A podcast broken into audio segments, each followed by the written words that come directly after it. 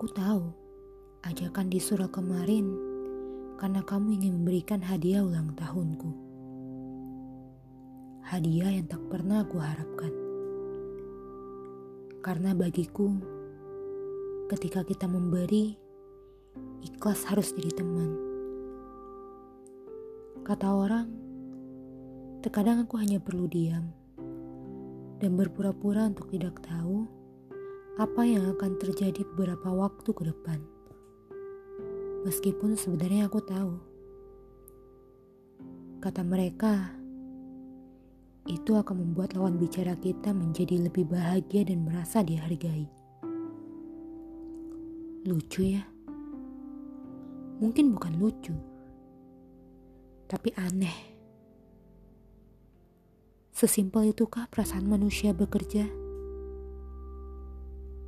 Atau mungkin aku yang berbeda?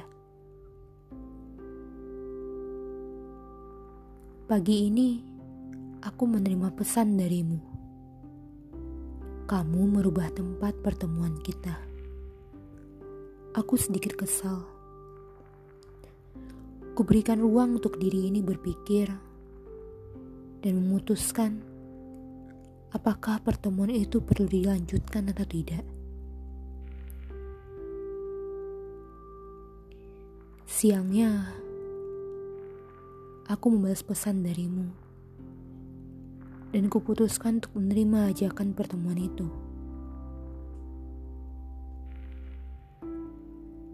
Dalam perjalanan, aku menerima pesan lagi darimu.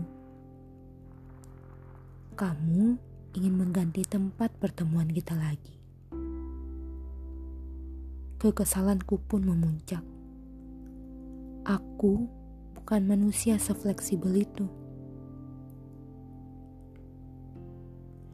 Kuberanikan diri ini untuk membalas pesan tersebut sesuai dengan apa yang telah kita sepakati sebelumnya. Syukurlah semua sesuai harapan.